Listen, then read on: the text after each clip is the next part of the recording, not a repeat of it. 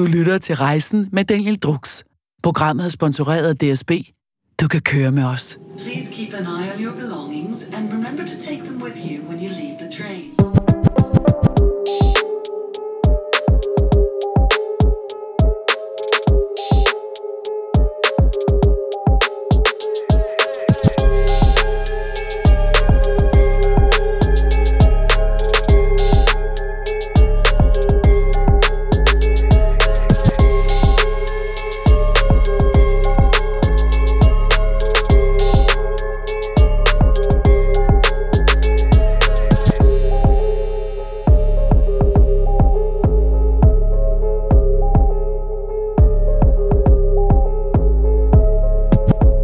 Er Rejsen-podcasten taget, til, taget på en lille rejse til London.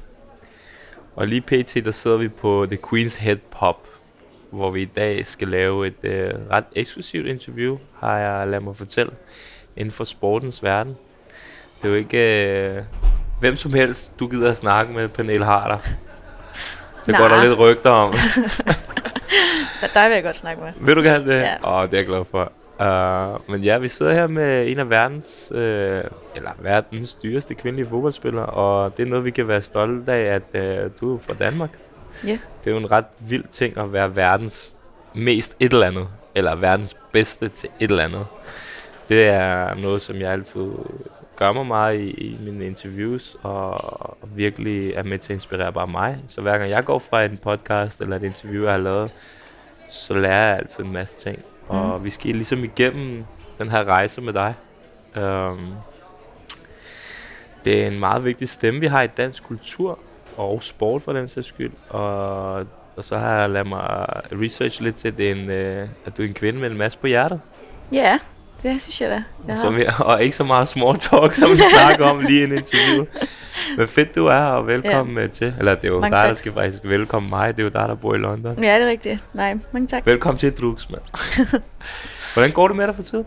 Det går godt. Ja, det kan godt lige komme hjem fra landsholdssamling, og, hvor vi fik 6 point og scorede en masse mål, så ja, det går Det er godt. meget sigende for, at jeg spørger dig, hvordan det går, og det første, du siger, det, vi fik 6 point, og vi scorede, og, og vi vandt. Det, det viser jo allerede, at du bare lever under fodbold, Ja, det er rigtigt nok. Det er det faktisk. og det, du bare har det var det første, jeg lige tænkte på. Hvordan går det med fodbold, når du spørger, hvordan det går? ja. Det er ret sigende jo. Ja, jamen det er det. Øhm, det er rigtigt nok, når du spørger, hvordan det går, så tænker jeg på, hvordan- går det med fodbolden? Og så svarer jeg ud for det. Men det er oftest det, der sådan definerer, hvordan man har det jo. Altså hvis det går godt Okay. for fodbolden, det, så har jeg det også godt uden for banen. Hvis det går dårligt, så, så er det også svært at, at Men gå kan det ikke gå godt. dårligt med fodbolden, gå rigtig godt i privatlivet og kærligheden og alt muligt? Og så kan det også gå godt i fodbold, men gå dårligt i ved, familie, whatever, et eller andet. Jo, men det er rigtigt nok. Men Eller jeg er tror det bare, meget hånd i hånd i din verden? Jeg synes, jeg synes, det går meget hånd i hånd, faktisk. Ja. Altså, fordi det påvirker jo, øh, det påvirker jo en om, hvordan man præsterer på banen, og hvordan Mm. det går. Sådan. Det påvirker, hvordan jeg har det sådan uden for banen, og så selvfølgelig er det. Nogle gange kan det være let, eller kan det være lettere at, at tage det væk, sådan fodbolden, hvis det er, at det også, hvis man så uden for banen er forelsket, eller et eller andet. Mm. Øhm, eller har familien har det rigtig godt, der er nogen, der skal gifte sig, eller man får en nevø eller et eller andet. Altså, Ja. så, så hvis man fokuserer på de ting, så, så kan man faktisk godt nogle gange glemme fodbolden. Men, øh, men ellers så er det faktisk mest fodbolden, der definerer. Ja. Det må også være grunden til, at du er der, hvor du er sådan rent sportsligt. Altså den mentalitet med, at du bare tunnel vision, ikke? Nu du sagde du, at du har øh, hørt det interview lavet med Bradway, Mm. som også bare er total, altså fodbold, fodbold, planlægning, det var de små detaljer. Ja. Øh, Jamen, jeg kan godt ikke genkende til mange af de ting, han sagde, Ja. Martin, i den podcast med, at ja, når man sætter nogle mål, så er det ligesom bare, ja. alt man gør, det er for at komme hen til det mål. Øh, så er det ligesom bare den, ja, tunnel vision i forhold til det. Ja. Øh, hvad hedder det? Hvad render du så egentlig rundt og laver herovre for tiden? Altså, udover at spille fodbold. Øh, hvordan ser din dag ud? Jamen altså, det er, at jeg, ja, vi træner oftest fra sådan kl. 10 til, eller vi er inde på anlægget fra 10 til 3 hver dag, næsten. Ja. Jeg har nogle fridage også. Men ja, så er det oftest, når vi er inde, så, så tager vi bare hjem og slapper af og gør klar til dagen efter. Så jeg er fra, fra 10 til 3, og hvor meget træner I så? Vi har bare én træning. Øh, Om nogle dagen? gange, ja, og så styrketræning også, og så er der behandling og møder. Så rimelig meget fritid. Ja, jo, men det har man jo faktisk. Men, Det har, det, nu har jeg interviewet rigtig mange fodboldspillere. Ja. Og de har fandme meget fritid. Og det sjove er, at de bruger den ikke særlig fornuftigt. Nej. Og måske er det fordi, at de skal restituere rigtig meget og slappe af rigtig meget, fordi man bruger meget fysisk energi Ja. og skal være klar. Men, men hvad laver du så, når du ikke spiller fodbold? Jamen altså, det er jo, at man tager hjem og slapper af efter en træning. så når, jeg er fri, når vi har fridag, så kan jeg godt lide at tage ind til London og Okay. shoppe lidt og ja, spise noget godt mad. Jeg elsker Ja. at spise godt mad og prøve forskellige gode restauranter. Hvad er godt mad? Jamen, jeg kan lide meget forskelligt, bare det er godt kvalitet. Altså asiatisk, meksikansk, italiensk, spansk Okay, okay. og også sådan øh, libanesisk. Ja. Ja. Jeg også rigtig godt lide. Libanesisk, Så- der er nogle sindssyge retter. Ja. Altså for mig handler det faktisk bare om, at det er en god restaurant. Kvalitet. Ja. ja. 100%. Ja. Så der bliver shoppet en del, og bliver spist, spist. en del. Puh, Nogle gange spiller jeg lidt go- golf. Det har jeg bare ikke gjort så meget her på det Okay. sidste.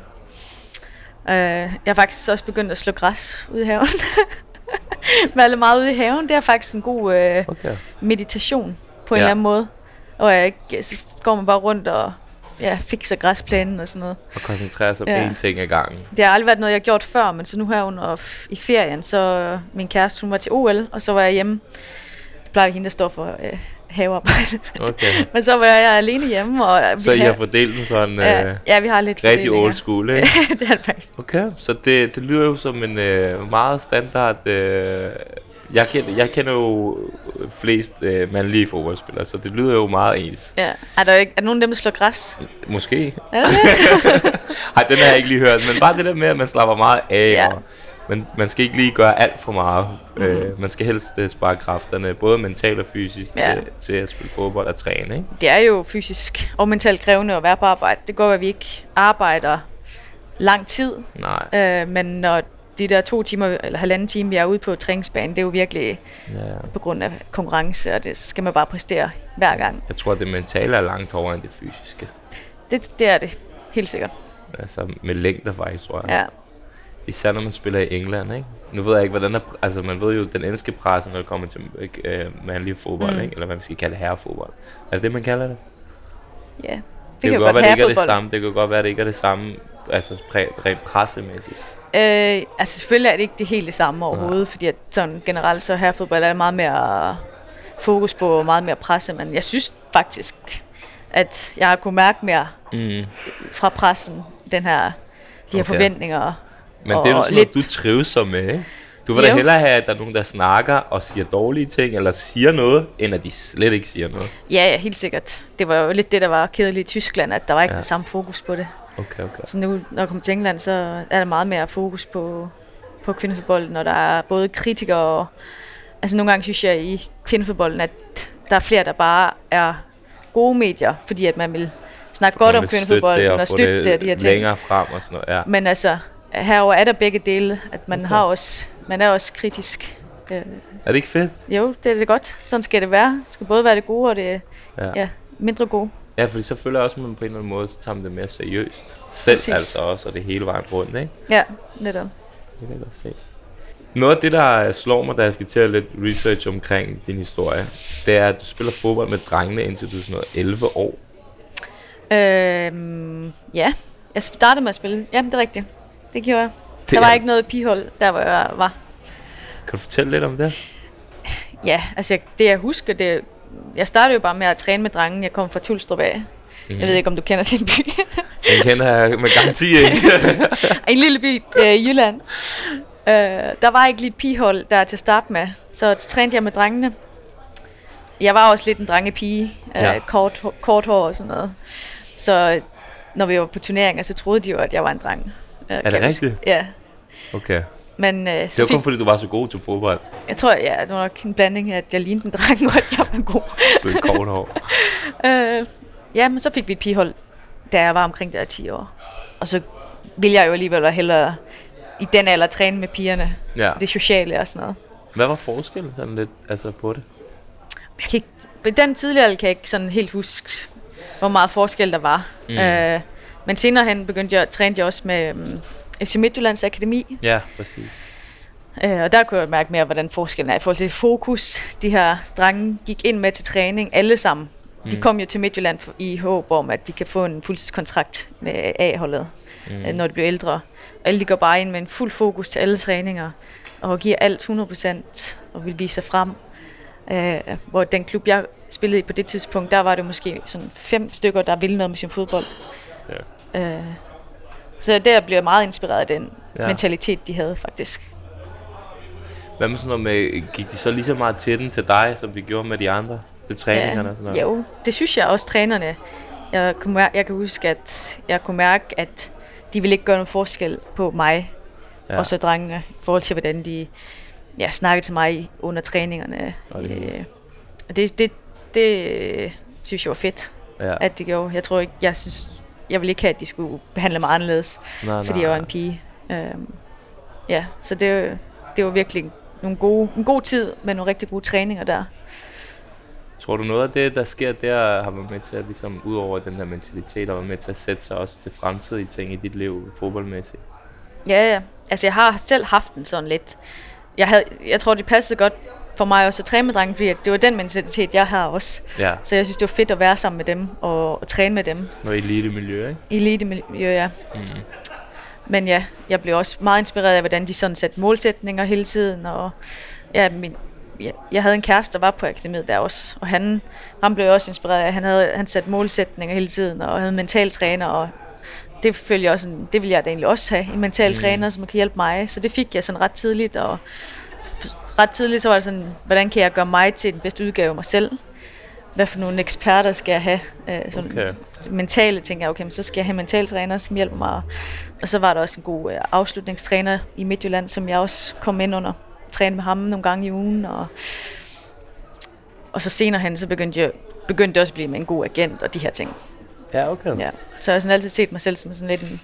Et produkt. produkt. Ja, ja, præcis. det Men det er jo, altså i sidste ende kan man sige, det nye moderne fodbold, der er, altså fodboldspil er jo bare et, et produkt. Ja. Altså øh, ærgerligt, men, ja. men det er jo sådan, det er blevet, ikke? Mm, Og dem, der kan se sig selv som det, øh, og hele pakken rundt om, øh, og arbejde på sig selv og se sig selv som et produkt, de kommer bare langt. Mm. Altså, det er jo ikke altid, man hører jo altid historien, men det er jo ikke altid dem med det største talent, der når længst. nej, overhovedet ikke. Nærmest tværtimod. Altså, Jeg har set rigtig mange, der har kæmpe talent, men de har bare ikke haft mentaliteten, og så er de bare ikke kommet videre. ja. Så er nogle af de holdkammerater, jeg har haft, som er virkelig kommet langt, hvor et, måske talentet ikke har været noget specielt, men virkelig en god mentalitet. Mm. Altså sådan den her super vinder-mentalitet. Og så det kommer man bare langt med. Altså. Eller også beslutninger, både på banen, mm. Men også ude for banen. Ja, jamen det Øh, handler om at lægge en god plan. Jeg sådan, fra en tid, tidlig alder også ville lægge en god plan med min karriere. At kunne, når jeg var færdig med gymnasiet, så vidste jeg, okay, så vil jeg til udlandet. Fordi den danske liga var ikke så god. Mm. Og så sådan, skal jeg tage til Tyskland, som er måske der, hvor jeg følte var bedst på det tidspunkt, eller skal jeg tage til Sverige, øh, som er et skridt opad, men jeg stadigvæk ikke kæmpestort. Mm. Mm. Um, så valgte jeg jo så at tage til Sverige, fordi jeg følte, at det er der, jeg kan udvikle mig. Mm. På det tidspunkt havde jeg stadig ikke vundet nogen titler i Danmark, og det hold, jeg tog til i Sverige, Linköping, det var heller ikke et tophold. Men der gik jeg kun ud fra, hvordan kan jeg blive bedre. Jeg tænkte ikke på, at jeg skulle vinde titler på det tidspunkt. Så jeg tog til så et midterhold der, hvor jeg følte, de havde brug for mig. Mm. Mm. Jeg, kunne, jeg ville komme til at spille hele tiden. Uh, jeg ville kunne, kunne hjælpe dem. De ville, kunne, de ville føle, at jeg sådan giver noget til holdet. Ja, ja, ja. Og på den måde, så ville jeg også blive øh, værdsat tidligt i klubben, tænkte jeg. Mm. I stedet for at tage til nogle af de andre klubber, som var interesserede, sådan topklubber, hvor jeg måske ville sidde på bænken i starten. Så var jeg sådan, nej, Men nu når skal du jeg skal spille. tage sådan nogle valg, som du gør der, som City Basketball er jo rigtig gode valg, der er jo også rigtig mm. Mange, der tager for hurtigt skridt op, og så er det faktisk rigtig svært at komme tilbage op, fordi du faktisk ryger ned. Ja, ja. Det er nemmere at bygge sig selv langsomt op, Ja. og det er jo også nogle gange, mange gange rigtig godt agentarbejde, eller rigtig gode øh, rådgiver omkring en, eller ens egen mavefornemmelse omkring det. Hvordan, hvordan ser du den situation? Jamen, det var min egen opfatning af det, Mm. faktisk. At tage de her beslutninger med at få en lang, bygge det langsomt op, og så tage de skridt, når jeg er klar til dem.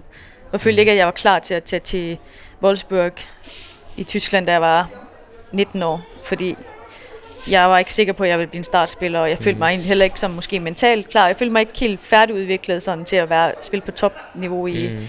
i Europa der. Så jeg valgte at tage til Sverige, fordi ja, et lidt mindre skridt for at tage mm. det store skridt. Og nogen, som satser på dig også, ikke? Ligesom giver dig den selvtillid og ro Præcis. og alle de her forskellige ting. Og så fik jeg en god træner, der satte 100% på mig Ja. i Linköping. Ville mig, altså ville bygge spillet op omkring mig. Ja, ja. Og Han så, vil også bygge andre ting op. Gav han dig lige en kæreste og sådan Ja, noget. Ved, præcis. tænker han, okay, nu gør vi en glad på ja, han hentede, det var faktisk ham, der hentede Magda til Det er det, jeg mener. Henter han lige kæresten, og så, uh, nu skal vi lige gøre hende ekstra glad, og Ja. så bum, så var vi helt Ja. flyvende, ikke? Præcis. Hvad hedder det? Hvad med sådan noget som... Øh, så har jeg bare tænkt på noget med som forældrene. Ja. Har de altid været... Selvfølgelig kan det godt være, at de har været støttende, men har de også været sådan lidt støttende på den der måde, sådan, okay, der kan ske noget her, og det kan blive rigtig stort, og det kan, altså, eller har det bare været sådan en Jeg tror, stille og roligt? jeg tror hele tiden, de har kunne mærke, at, der kunne, at jeg havde kæmpe talent, eller at Ja. jeg havde noget specielt, også med den måde, jeg gik til ting på. Mm. Tingene på, at jeg altid vil træne, og jeg brokkede mig aldrig over at skulle til træning, eller sådan nogle ting, Mm. og ville altid være bedst, tror jeg. De kunne mærke tidligt, så jeg tror, de har vidst, at hvis de gjorde det rigtigt, Ja. så kunne det, kunne det blive til noget stort. Er det noget, du har fra en af dem, eller fra begge to? Den der... Men jeg tror, det er en god Vinder. blanding. Altså min far, han var nok den, der var bedst til fodbold. Så jeg tror, de fodboldskills har jeg Ja. nok fået fra min far af. Altså, sådan den der vinder-mentalitet, eller den der med at bare arbejde hårdt og Mm. ja, ikke give op. Den jyske. Den jyske, Ja. det er jo meget fra min mors, øh, mors side af. Um, men min far har den også. Jeg synes, de har været meget gode til at, hvordan de har, de har fået mig til at få det Mm. bedste ud af mig. Men grund til at spørge det, fordi mange gange så ser man for eksempel, øh, nu kommer jeg selv fra et miljø fra anden etnisk forældre og sådan noget. Og dum en stemme, hun har lagt ind der. øh, hvad hedder det? og så, øh, så ser man mange gange, at nogle af dem, som når ret langt, det er faktisk, fordi de har den der støtte ved siden af, ude på sidelinjen for forældrene, som kommer og er der. Fordi det er jo ikke altid, man spiller godt. Det er ikke altid, man har Mm. optur på. Og, muligt. og den der støtte med også nogle gange være på bænken, når det går dårligt. Hvis man har støtten hjemmefra, og kan mærke den. Ja. Ikke kun, hvad der bliver sagt. Nej. At sige ting, det er sådan, det kan alle gøre. Åh, kom, du ved, men mm. det der med at mærke, at Ja. være der og se kampene, Præcis. Jamen, støtte og sådan noget, det kan bare nogle gange gøre, Ja. make it or break it nogle gange. Men det er netop det, mine forældre, de er måske faktisk ikke nogen, der siger ret meget. Altså sådan, de siger om god kamp, ikke så god kamp, men øh, skulle bare gøre det bedre næste gang, eller Ja. ja, det ved sådan nogle ting, men for dem er det virkelig, hvordan de har ageret i det. Præcis. De har, da jeg spillede, jeg kan ikke huske, hvor gammel jeg var, men så spillede jeg i Viborg. Mm. Jeg havde ikke kørekort nu, men så kørte de mig frem og tilbage, Ja, sådan sådan en time frem og tilbage, fire gange i ugen, mm. efter de har været på arbejde. Og så stod Men det er jo og også mere handling end ord. Ja, præcis. Ja. Ja. Og de har set så mange af mine kampe, og de, både i landskampe i Danmark og i Sverige og i Mm. Tyskland og nu i England.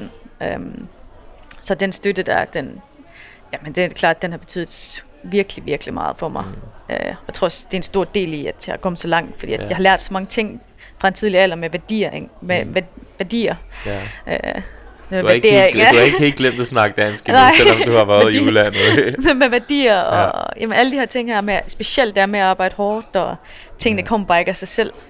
Det er sjovt, det der du siger, men de ikke siger så meget, fordi mange gange så tror jeg også, det handler om at lytte og stille de rigtige spørgsmål Mm.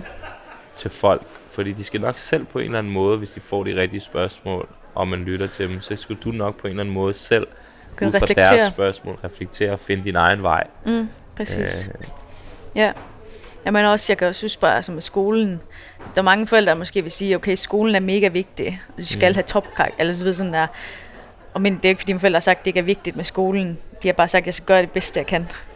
Ud fra, at jeg måske har misset rigtig mange øh, timer i skolen på grund af Mm. fodbold. Men de har aldrig sagt, at du skal ikke tage til træning der, fordi du skal i skole.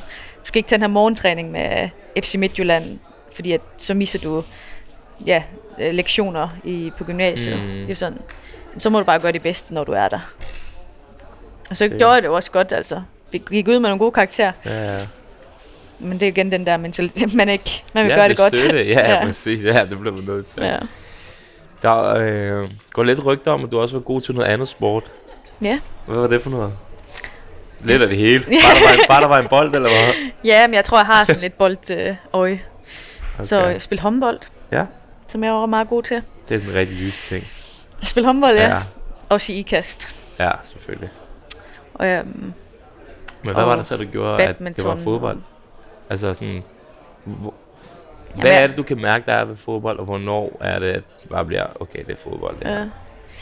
Jeg kunne mærke, at jeg var bedre til fodbold, sådan jeg kunne komme længere i fodbold end håndbold. Så du tænkte bare, okay, Og så synes jeg bare, at det var, ja, det ved jeg ikke, jeg elsker bare at spille fodbold. Altså, ja.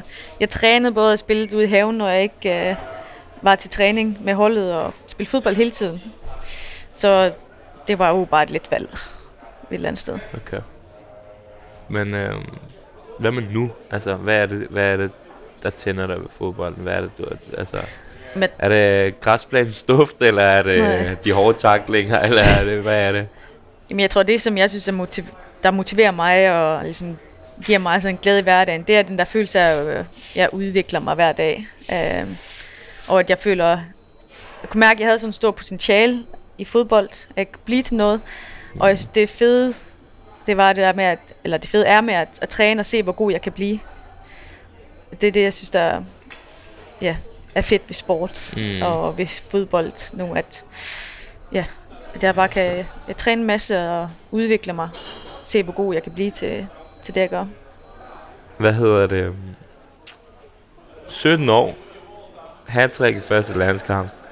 Øh, hvad er det for en ung kvinde, der går på banen den dag? Og hvad er det for en mentalitet? Vi har snakket lidt om. det. Ja. Jamen, Kan jeg du kan huske huske, at jeg var mega nervøs. Var du det? Ja, det var jeg. Jeg var virkelig nervøs. Sådan. Jeg spillede den første landskamp og tilskuer. Og ja, så jeg var virkelig nervøs, kan jeg huske. Øhm, Men så når jeg kom ind på banen, så glemte jeg bare alt. Mm. Og bare tænkte på at spille fodbold. Og jeg skruede af det der hat der. Så var det bare den bedste følelse bagefter. Det var uh, completed øhm, på en god måde. Så lige pludselig, så, så, så fjerner du bare alle de der tanker og følelser. Ja. Ja, når jeg kom ind på banen. Det var alt, det er altid sådan op til, hvor jeg nervøsiteten Første eller er. sidste mål bedst? Bedst. Altså i følelsesmæssigt. Hattrick eller det Nå. første, du, åb, du prikker hul på bylden, eller når du også scorer hattrick? Ej, det er lige... Ja, det ved jeg faktisk ikke. Den er lidt svær. Ja, det er den faktisk. Fordi hattrick, så er du varm, men Ja. den første, det er der, hvor du åbner op og siger, åh, oh, nu er Ja, jeg lige... fedt. Det er den, der gør, at jeg kan score et tattrick. Ja, Øhm. Ja, jeg tror, den bedste følelse er nok efter det første mål. okay. Men også, og så er det alt, den anden bedste følelse så efter det tredje. Ja, Det andet mål, det er sådan... helt klart. Jeg tænker bare, det er sygt, altså at være 17 år og komme på landet og bare lave hat-trick ja. I første kamp. Det Jamen- ser du jo ikke i, altså, i Nej. herrefodbold. Der er ikke en, der kommer ind til 17 og laver tre mål. Altså sådan. Jeg tænkte ikke så meget over det der, kan jeg huske. Ja, Uh, følte dig meget moden og klar. Mm. Og... ej, det ved jeg ikke. Altså, jeg tror faktisk ikke, jeg var så mega... Eller, jeg, jeg var meget... Man siger jo også bare generelt, generelt jo, at kvinder er mere moden. Altså, ja. Dengang man gik i folkeskole, så var kvinder altid mere moden end Ja. mænd. Det kan godt være, jeg at det var- er også sådan i fodbold, tror Ja, jeg. jeg var meget stille på det tidspunkt. Okay. Ja. Og fokuserede bare på fodbold. Mm. Det var virkelig meget bare fodbold der. okay. Alt hvad, der var det altså, næsten mere end nu. Men nu er det også her. meget.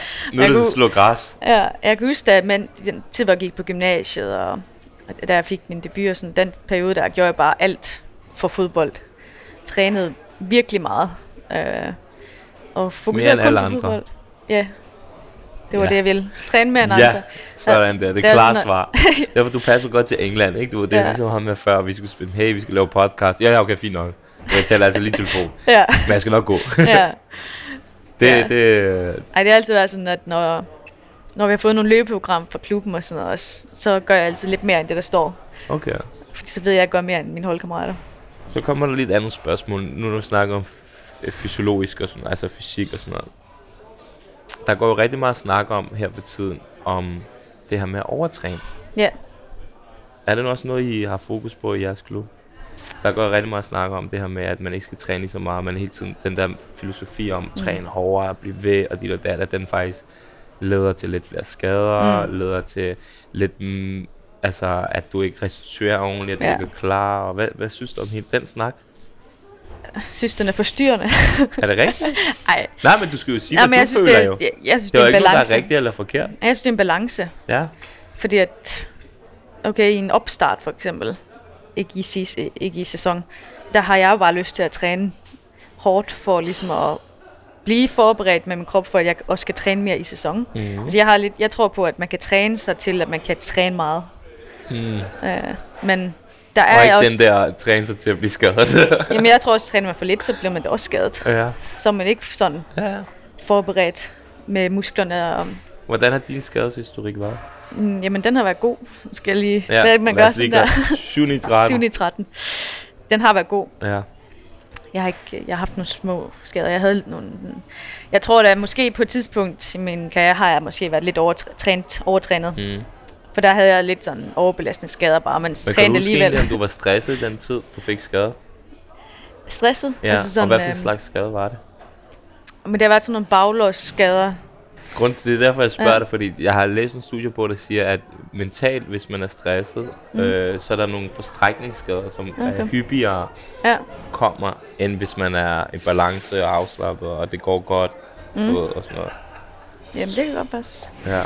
Ja, men altså den der med at... Øh, fordi at, det er jo lidt den mentalitet, der også er i klubben. Ja, Øh, er det det? Ja, men også fordi, når det er, at det kommer op til de lidt større klubber, og også nu, når de, de har købt mig for nogle, for nogle penge, og man lige pludselig har fået en værdi, sådan Ja. ja.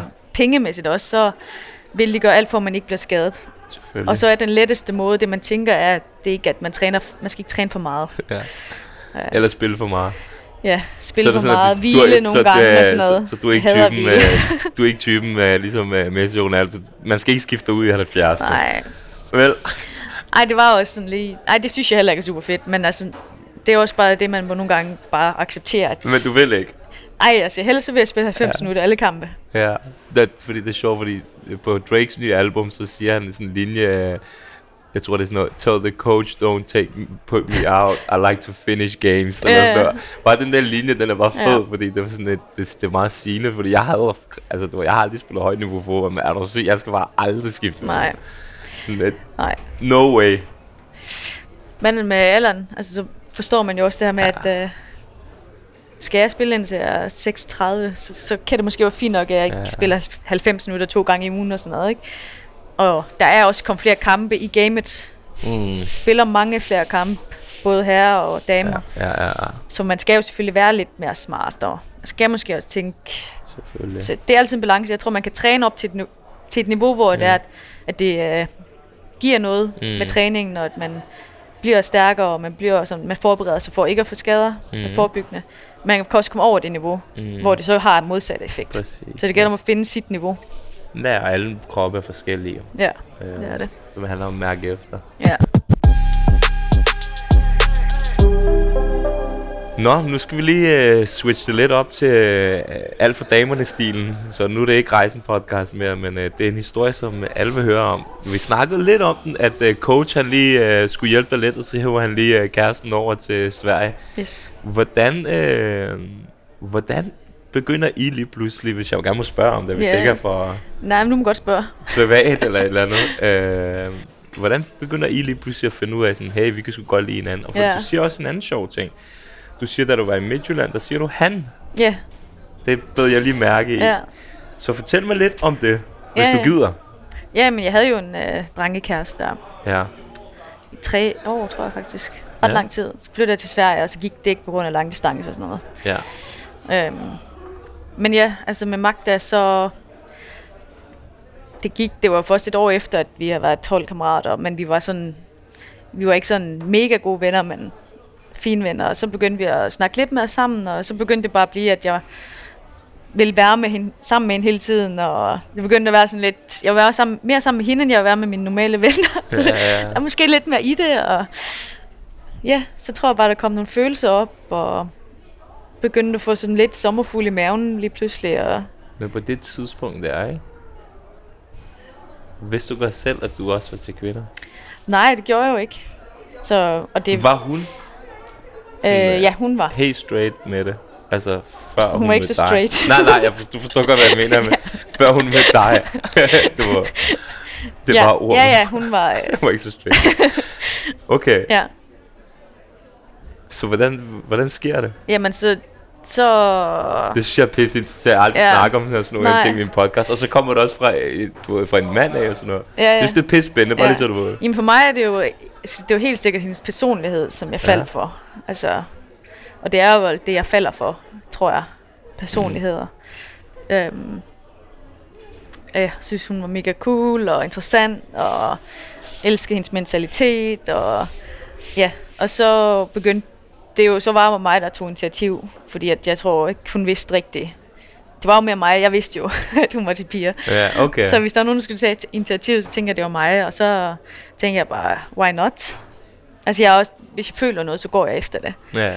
Jeg, jeg gider ikke, og ja. Hvis jeg kunne mærke, at jeg havde det godt, når jeg var med hende, og jeg havde det vir- sådan virkelig fedt, så derfor tænker jeg, at nu tager jeg noget initiativ, og så, ja, så førte det ene til det andet. Hun var heldigvis også interesseret, så jeg havde fået de rigtige sådan vibes. Okay, hvad, hvad, hvad fanden havde du gjort, hvis hun ikke var, og I skulle spille på hold sammen?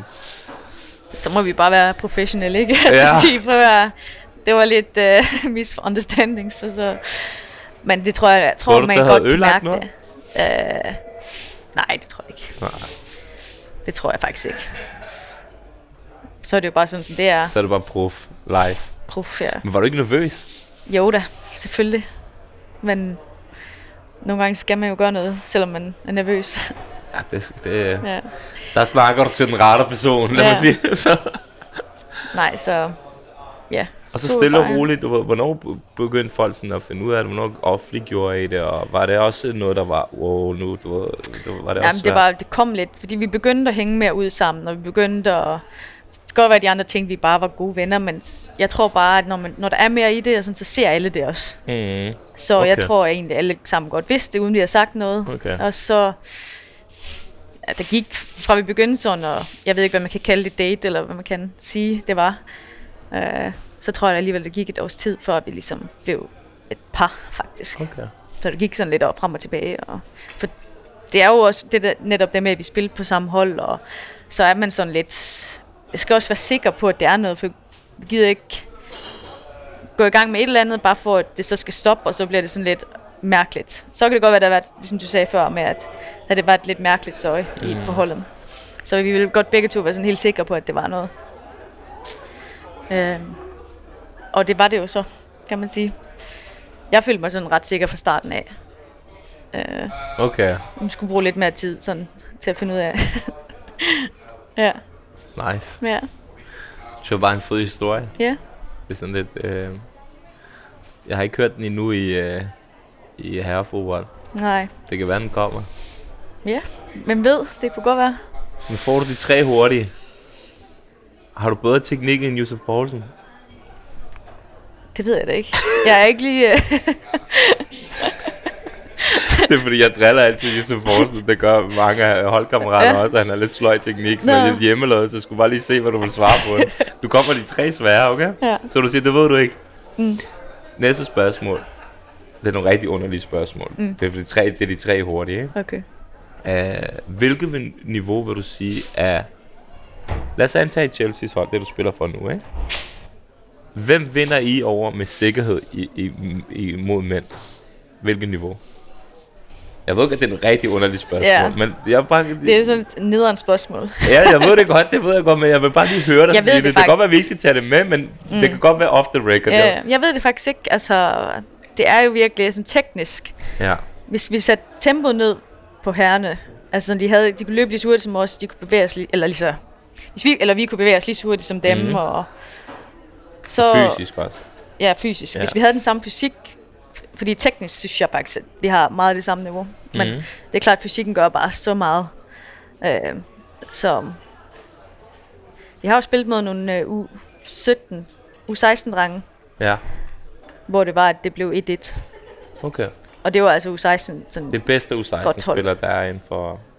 ja, her i England, Ja, er eller her i regionen. Det er ret sjovt, at sige U16, for det er jo ligesom der, rent kropsmæssigt, Ja. at nogen bliver større og vilde, og nogen bliver det samme. Mm. Så er det også faktisk der, i herrefodbold, måske også i kvindefodbold, at der er nogen, der tager skridtet videre, Ja, og der er nogen, der bliver det samme sted, fordi de ikke udvikler sig øh, fysisk. ja, præcis. Og Det var det, Så er det ret Når vi spiller mod de det er her dem, drenge- spiller mod, fordi Ja. det er netop Ja, lige det der inden er de sådan- begynder at ja, det, det er bare med fysiolog, altså fy- fysiologien. fy- fysisk, ja, Ja, der er det bare- fy- fysiologisk, ja. fysiologisk, ja, så er det en stor forskel, som gør meget. Altså, hvis man bare er meget hurtigere, det, så kan de slå en lang bold, og så løbe fra vores bagkæde. Så er det fint nok. Så, men taktisk, der kunne jeg også mærke, når vi spiller mod de her drenge, at der er vi jo meget bedre end dem, Ja. taktisk. Så der, der kan vi få en fordel, Mm. eller have en fordel. Ja, så taktisk og teknisk synes jeg faktisk, at det er meget sådan... Der er nogle drenge, der har bedre teknik end kvinder, det er da helt sikkert. Mm. Men øhm, den helt store forskel er fysikken. Helt klart. Mm. Så fik du alligevel svaret på mit rigtig nederen spørgsmål. Ja, Jeg, nu ved jeg ikke, om jeg tør at tage det tredje nederen spørgsmål. nej. Jeg ved ikke, hvor, fordi jeg kan ikke mærke, føler, der hvor vi er. og Sådan noget. Som sagt, alt kan jo altid tages ud, hvis det Ja, er. Ej, jeg kan. Jeg, det, det gør jeg ikke. Stemning, nu er jeg nysgerrig. stemningen er der ikke til det. Det er sådan et skolegårdsspørgsmål. Ja, Er du klar til mm. den? Mhm. Nej, jeg tager den ikke. Jo, jeg gør det fandme. Så kan vi altid fjerne den. ja. Hvad hedder det? I skolegården så snakkede drengene altid om, om det gjorde ondt at tæmme bry- øh, bolden med brysterne. det er rigtigt. Gør det det? Nej, Så fik vi svaret. Kan du se, det er nogle underlige spørgsmål. Ja, det er var meget underligt. Men, men vi bliver nødt til at bestille spørgsmål, Ja, men for det det er jo ting... Nu sidder jeg endelig og interviewer en kvindelig, Ja. og så en af de bedste. Nu bliver du nødt til at stille de der underlige spørgsmål. ja, Skal vi switche den videre? ja. Var det for meget? Nej, nej, det var fint nok. Det er det fair nok, at du tænker på Det er jo det. sådan et skolegårdsspørgsmål, som alle drengene, så kunne det kunne ud sådan et, man, man tænkte altid sådan et, gør det egentlig ondt, det gør det ikke, du, men nu ved vi det. Ja. Nej, prøv at høre her. Du var rigtig glad for at komme til Chelsea, Yes. Men øh, på det tidspunkt, så skulle du også faktisk lyve lidt over for dine holdkammerater. Øh, det må være en meget svær følelse at lige pludselig skulle sidde med. Især når man tænker på, at du er sådan en meget ærlig person, og sådan Mm. ret lojal virker det som. Ja, Øhm, men så kan man også vende om at sige, er fodbold ikke også bare blevet altså sådan et overfladisk mind game? Eller er det anderledes og mere autentisk og mere ærligt måske i kvindefodbold? mm, Forstår du, hvad jeg vil ja. Kvinder er også følelsesmæssigt anderledes. mm. Ikke, jeg siger ikke, alle er en Nej, til en, men, men, der er mere følelser på en eller anden måde. ikke? Det er der. ja, Øh, uden at det skal lyde forkert. Man skal ja. også passe på, hvad man siger nu om dagen, fordi at, ja, ja. Jeg tror bare, at fordi herrefodbold er så meget business, så det har de været vant til lang tid. ja. I kvindefodbold har det ikke været så meget det her med, at man bliver solgt og købt Hmm. for nu her. Og sige, det, det var en speciel situation der i Wolfsburg, hvor jeg vidste, hvad der skulle ske, men min holdkammerat vidste ikke. Mm. Vi snakkede meget om, hvornår skal vi offentliggøre det, hvornår skal jeg sige det til holdet, og fordi at jeg kunne mærke, at jeg vil gerne sige det til dem. For det er, jeg har det ikke så godt med at gå rundt og, og, med nogle ting, som min holdkammerat ikke ved. Ja. Øh, I forhold at jeg ikke, om en måned ikke er der længere. Um, netop fordi det vil komme som stor overraskelse for dem også. Fordi at min kontrakt ikke gik ud. Mm. Så det kunne jeg godt huske, jeg havde det faktisk lidt træls med. Men på den anden side, så når man tænker rationelt, så er man sådan lidt, men det er fodbold, det er, det er arbejde, det er, og selvfølgelig skal jeg gøre det, der er bedst for mig selv. Mm. Altså, jamen, man går lidt og tænker sådan, jamen, det er sådan lidt åndssvagt, man bliver de sure på mig. Altså svigter jeg mit hold, fordi at jeg, jeg tager væk, og jeg vil væk mm. et år før tid. Uh, det var lidt, måske det sportschefen der sådan lidt synes, jeg gjorde. Uh, men når man tænker over det, så er det bare sådan, men, men for mig er det det her, der er bedst for min karriere. Vi alle har vores karriere. Uh, så er det selvfølgelig, når vi så er her, når jeg er i Chelsea, så gør jeg alt for holdet også. Mm. Men samtidig så er det min karriere, så jeg gør alt, alting for mig selv, altså for min udvikling, for min karriere, men ja, når jeg gør det, så gør jeg, så gør jeg det jo også for holdet, sådan indirekte, hvis man kan sige det sådan. Ja, men tror du ikke også, at hvis folk virkelig ville dig godt på holdet, så ville de også synes, det var fedt for dig, hvis det var fedt for dig? Præcis. Og det er jo altid sådan, det bliver, når jeg så, Mm. dem der er mest sådan sure over det, eller bitre over det, det er jo, det er jo træner og sportschefer. Ja, ja, okay. Det er jo ikke holdkammerater. Og det var heller ikke dem, du tænkte på, da du skulle få flyttet, vel? Det var mere Nej. holdkammeraterne, ikke? Ja, ja, 100 procent. Holdkammeraterne, de synes jo bare, som du siger, de er jo glade for min, på min vegne, ja. og der er aldrig noget der. Men så er det jo ret interessant, det valg, du tager jo, fordi at noget af det fedeste, jeg har læst mig til, det er, at du siger, fordi jeg kan bare relatere ret meget til det, det er, at du siger, at vi har behov for at vide, at det ikke er sikkert, at vi vinder alle kampe. Mm. Der skal mere spænding til. Jeg skal kunne mærke, at jeg har brug for en ny udfordring, hvor alt ikke er nemt at lige til. Det er en meget anderledes mentalitet. Ja. Øh, for at drage parallel til mig selv, der er det sådan lidt, der er tit folk, der spørger, hvorfor laver du ikke sat programmer mere? Det er klart måske noget af det mest succesfulde, jeg nogensinde har lavet. Mm. Og så er det sådan lidt, jamen, der er bare en tid for alt, og det der, når noget begynder lige pludselig at føles nemt, og føles, det ikke er spændende mere, der skal, der skal udfordringer til. Mm, præcis. Og det er jo bare virkelig, det er ikke størstedelen af mennesker, der gør det. Nej. Størstedelen af mennesker tager et sted hen, som du også måske kunne have gjort, hvor du vidste, okay, der vinder jeg Champions League. Mm. Øh, men du tager et sted hen, hvor du har brug for udfordring i sådan et sted i din karriere. Ja, Det synes jeg bare siger... Man må, man må Ja. gerne bande. Det siger fucking meget øh, om, om din mentalitet. mm. ja, men det var jo virkelig sådan, at der i de sidste år i Wolfsburg, så jeg kunne tage til træning uden at præstere. Ja. Altså jeg kunne sådan til træning, nu er min, jeg, jeg ville være god til alle træninger, men hvis jeg ville, så kunne jeg tage til træning, og så vidste jeg alligevel, at jeg spiller. Ja. Jeg kunne spille også i kampene på 80 procent, alligevel score to mål måske, øh, og vinde kampen. Og ja, der var bare ikke den der udfordring i, som også er vigtig for udvikling. Mm. Øh, at jeg føler, at ja, jeg bliver presset og kommer ud, hvor det ikke er trygt. Øh, ja, komme ud af min comfort zone, for det var vældig meget, meget trygt til sidst i Wolfsburg med det hele. Ja, ja. Øh, kender alt og alle, og alle modstandere og alle busture. Og, ja. Så det var bare det, at sådan, når man kommer til et nyt sted, så kommer der nogle nye ubekendte, og man kommer lidt ud af sin tryghedszone, og kommer til en klub, som har virkelig mange gode spillere, hvor at jeg stadigvæk, selvom at jeg bliver solgt eller købt som den dyreste, og øh, også blev Europas bedste det år her, så skal jeg stadigvæk præstere for faktisk at være den, der spiller 90 minutter i hvert fald Mm. i alle kampe. Og, Det, kan du, det trives du med. Ja, det gør jeg. Og ja, kender ikke alle mine modstandere og de her ting. Der er lidt nyt sådan. Jeg synes bare, det er fedt, fordi at hvis man alligevel har muligheden for at tage hen et sted, hvor man bare spiller med de bedste og 100% næsten garanti for at vinde titler og alle de her ting og sådan noget, at du bare mm. siger, nej, nej, jeg skal herover, jeg skal være med til. Jamen jeg tror bare, at vind, sejren bliver bedre. Den føles bedre, ikke? Føles bedre, Ja, ja. når man har kæmpet lidt hårdere for det. 100%. Øhm, du har jo scoret sy- sygt mange mål. Ja. altså, det er helt vildt. Hvordan kan du blive ved med mentalt at være sulten på at score? Jeg tror bare, det ligger i mig. Ja. Øh, der er bare, selvom at jeg sådan også føler, at mit spil er meget mere end at bare score mål. Altså, jeg, nogle kampe kan jeg spille godt og ikke have scoret, så andre gange jeg spiller dårligt, men så alligevel har scoret. Ronaldos yndlings. ja. Han sagde ikke højt. Han elsker bare at spille 85 dårligt, og så score, og spille Ja. godt i 5, og så score 3. Ja, ja, præcis. Nej, men det, det er det bare. Altså, jeg kan bare mærke det. Jeg vil bare gerne skrue mål også. Øh, nogle gange siger jeg nemlig til mig selv, fordi jeg skal have det der vægt lidt nogle gange, for Mm. hvis det for at ikke sætter for meget pres på mig selv, Mm, mm. at det kun... Jeg kan, skal også vurdere min kampe ud fra, at jeg ikke har scoret. Altså, hvis ja, du ja, forstår, jeg mener, forstår. at Ja, jeg forstår. det er præcision i det. ja, Det handler ikke bare om at score mål. Øh, eller hvad den, der laver assisten. Har jeg, lavet, har jeg skabt fem chancer i en kamp. Mm. Øh, så det er virkelig også meget, meget godt. Så, Ja, men altså sådan, der ligger altid sådan et eller andet med anden. Det havde Jeg været føler, at fedt nok. assisten er lige så god som mål. Det synes jeg også. Anden assisten er også nogle gange. Den ja, bliver også bare, den, den lige inde, ikke? Det, Ja. den, den har jeg rekorden i.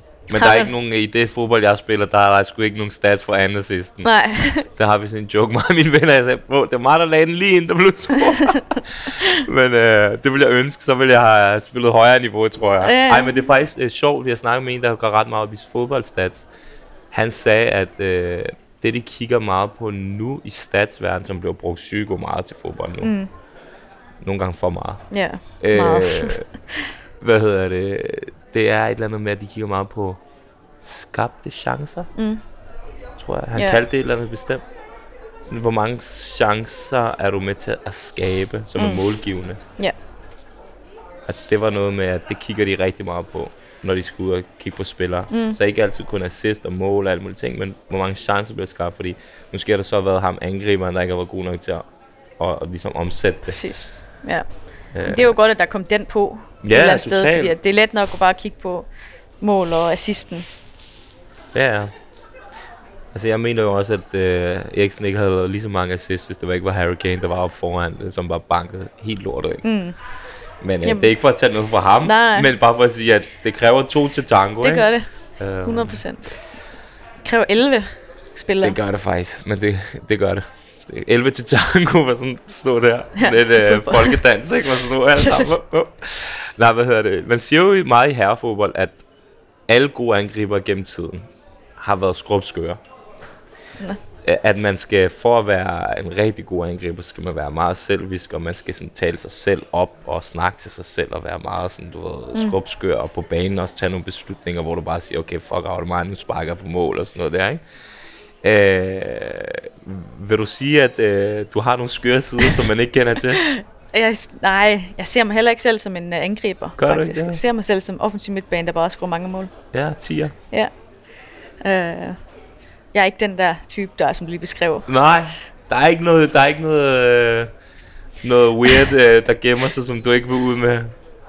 Ikke noget sådan noget i forhold til... Uh, jeg vil helst ikke snakke mig selv op. Altså, tænker det... Nej, ind på banen. Når, altså, snakker du ikke nogen gange til dig selv? Når Man hører selv- nogle angriber, de siger Når sådan der, når de går ind på banen, selv så siger de til sådan der, medier du ved, eller et "Prøv at eller høre, andet. Der var ikke nogen, der skal fuck med, jeg er den bare den bedste. Du øh, der med at snakke sig selv op. Nej, Har du ikke de samtaler med dig selv? jeg må have samtaler med mig selv, helt sikkert. Der er jo sådan...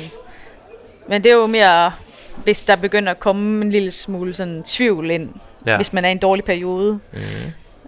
Øh, ja, eller har mange forventninger på sig selv, eller så kan man godt sådan nogle gange have nogle samtaler i hovedet. Sådan. Mm. Men det er måske ikke, at jeg siger, sådan pumper mig selv op. Det er måske bare mere at prøve at være rationel Ja, i okay. tankerne. Det er nok det, der er vigtigst for mig, at være rationel. Sådan. Øh, ja. Interessant. Um, nu er vi her i England, ikke? Og det er jo ligesom fødested for fodbold. Du har spillet i Sverige og i Tyskland og sådan noget. Mm. Um, kan du godt mærke, at folk sådan ånder og lever for fodbold her? ja, det kan jeg godt. Du er jo også i Der- London, ikke? Hvor der ja. er... Jamen helt sikkert. Det er alle, alle snakker fodbold, og alle ser fodbold, og det er bare, ja, virkelig meget. Ser alle, mange børn, der går med fodboldtøj, fodboldtrøjer og spiller i parkerne, men der er også mange, der spiller cricket, faktisk. Cricket? Hvis vi skal Det er der også rigtig mange pakistanere, der gør. Ja. Men ja, det kan man godt mærke. Ja. Mange pops, altså du ved, som er rundt omkring. Mm. Det er sjovt, vi havde lige taget en taxa, så siger vi sådan, spørger han, hvad skal I lave? Han troede, vi er studerende eller andet. Så nej, vi skal lave interview. Bro. En af verdens bedste kvindelige fodboldspillere fra Danmark, vi er også fra Danmark. Så var jeg sådan, åh, jeg har engang været træner faktisk for et kvindefodboldhold og sådan noget. Nå, okay, hvordan var det? Ah, det var rigtig hyggeligt, bare, bare. Så snakkede vi om kvindefodbold, så var jeg sådan, åh, men jeg, jeg er sikker på, og jeg kan mærke, at jeg har følt at se det, at det bliver bare rigtig stort snart, og du ved, det kommer til at være mere og mere fokus, flere fans, flere penge og flere yeah. det der. Du ved, det var bare fedt at se sådan en taxichauffør, der bare, altså du kan ikke, når du er i England, du kan bare mærke Ja, fodbold. ja. Jeg havde også en taxichauffør, der skulle med landshold nu her. Ja. Hvor vi, først så kom vi lidt galt ind på hinanden, fordi at Okay. en Uber, der ville, han ville køre han ville køre en længere tur for, at der var mindre, Trafik. ja, mindre kilometer, men Nå, længere mindre- tid. Ja. Og jeg, jeg havde den skulle korte vej, og den hurtigste, eller den hurtigste vej skulle det være. Jeg Men- spurgte den også også om ham der. Ja. Han vil have den lange eller den korte vej? Sådan, bro, hvad er det for et spørgsmål? Ja. Ja. Sådan, giv mig den korteste, den Ja. hurtigste.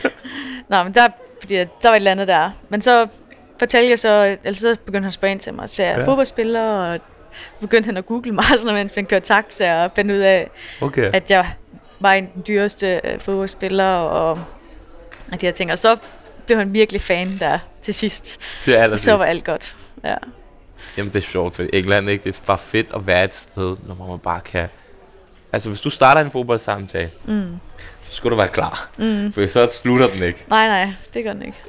Øh, så, så, er der, så er der sgu gang i den. Øhm, nu var jeg inde og se noget håndbold for noget tid siden. Jeg var inde og se Danmark-Montenegro. Og der var det bare fedt at være inde og se håndbold live, fordi der finder man ud af, hvor kølige folk egentlig bare er. Der er ikke noget film, der er ikke noget, når, når der er frikast, frispark, whatever, så lægger de bare bolden, og der er ikke nogen, der brokker sig til den Nej. dommer, eller noget som helst. Nej. Jeg kommer fra fodboldverden. Ja. Og der er film og brok og flops, og der er det hele. Ja. Og det er grown men, fysisk store og stærke. Hvordan er det i kvindefodbold? Jeg kan forestille mig, at I på en måde er hårdere end mændene på nogle punkter. Det er der nogen, der siger jo, faktisk. Det, det kan jeg bare altså dem, der ser fod, føle mig. dem, der både har Ja. set herrefodbold Ja. og kvindefodbold, at, at det, som de synes er virkelig fedt ved kvindefodbold, det er, at der er, bliver ikke filmet Nej, på den måde der, og det er heller ikke sådan, at vi løber omkreds af en dommer, fordi vi er sure over et eller andet, eller Ja, ja, ja. alle de her ting her. Øhm, så der tror jeg faktisk, vi er lidt bedre. hvis jeg skal sige Ja. noget. Det er bare en følelse, jeg har Ja. haft. Det er ikke noget, jeg har sådan... Det, jeg kunne bare forestille Ja. mig det, for Jeg nogle gange... stadigvæk. Jeg bruger mig stadigvæk til dommer nogle gange. Selvfølgelig. Men, Men jamen, jeg det kan med bare forestille filme mig, at der er lidt med, mindre af alt det der. Jamen det er det. Jeg synes bare, det var fedt at være inde og se den der håndboldkamp. Det er ikke fordi, jeg kan se den håndboldkamp i fjernsyn. Mm-hmm. Det er noget andet at se noget live Ja. og være helt tæt på. For der kunne du virkelig se albuerne, der bliver ramt. Bank der. Mm. Altså, hvis der var det mindste i fodbold, så er det bare flop, ikke? Og så bare, Ja. ah, ved, og Jamen, det, det, jeg tror, det er lidt sådan... Jeg ved ikke, om man kan kalde det taktisk i det, men det er det er jo fordi, at så ah, man får de frispark, eller så kan det være Ja, ja, den, ja. der spiller, hvis jeg filmer her, så Men i England en der er det virkelig kort, usmageligt. og- Ja. Der går de, altså, ja. der Ja. er lige nogle andre lande, hvor det er sådan lidt mere, det er jo lidt mere accepteret at filme og sådan noget. Men vildt nok, for jeg kan virkelig godt for, altså sådan forestille mig, at, at øh, på nogle punkter var, er kvinder bare lidt mere benhårde. Du ved. Ja, det, er- det er jo også sådan, hvis man sådan tænker generelt, så hvis en mand han er syg, ja, ja. så skal der jo Tro også... mig, øh, det der, man skal ikke undervurdere det der med kvinder, der skal føde, og de der Ja. og en mand er syg, så er det, øh, Ja, så man har med så ondt af sig selv. en uge og sådan helt. og bare, skal jeg jo ikke generalisere, men nej, altså, nej, prøv her. men de jeg Prøv kender, Her. Vi har faktisk snakket, nej, det, det snakker om det uh, behind the scenes, men corona og sådan noget, det var mm. en hård tid. Men alligevel i Ja. Tyskland, så var det ikke så slemt igen, fordi de spillede med det samme, ikke? Men det var en slem tid for dig, kan jeg forestille mig, for det var tæt på transferen der. mm, det var det nemlig. Var det ikke en af de hårdeste perioder sådan, i din karriere? At vide måske noget er der, Øh, ja. men så alligevel ikke ringe til Jo, agenten hele tiden og sige, hallo, ja, my friend, my friend. hvad sker der? Ja, jeg var ikke at vide 100% at det sker, fordi at jeg var så opsat på det. Også bare komme herover øh, til Magda også, og med corona og jamen alt. Det var bare, jeg skal bare noget nyt nu. Så det var virkelig den der, okay, kan jeg bare få det conf- confirmed ja. snart? Øh, og så kommer corona, og så bliver man jo lidt usikker. Øj, vil Chelsea stadigvæk bruge penge nu? Mm. Eller, for det er jo, øh, som Marina, Sparetider. altså det er jo ikke bare dame siden der skulle lægge penge i, det var jo ligesom hele klubben. Okay. Nå, Øh, så det er ikke separat budgetter? Nej, den herres, herrenes budget, eller hvad man kan sige, kommer lidt over og hjælper Okay. os ret meget. Øhm, men ja, så det var sådan lidt... Øh, ja, også der med corona. Hvis ikke jeg var kommet over, så havde jeg ikke kunne se min kæreste i, et år. På grund af Ja, alt det her. Ja, ja, ja. Så var mange ting der, hvor det var sådan lidt, okay, det her det skal jeg virkelig gå igennem. Shit, mand.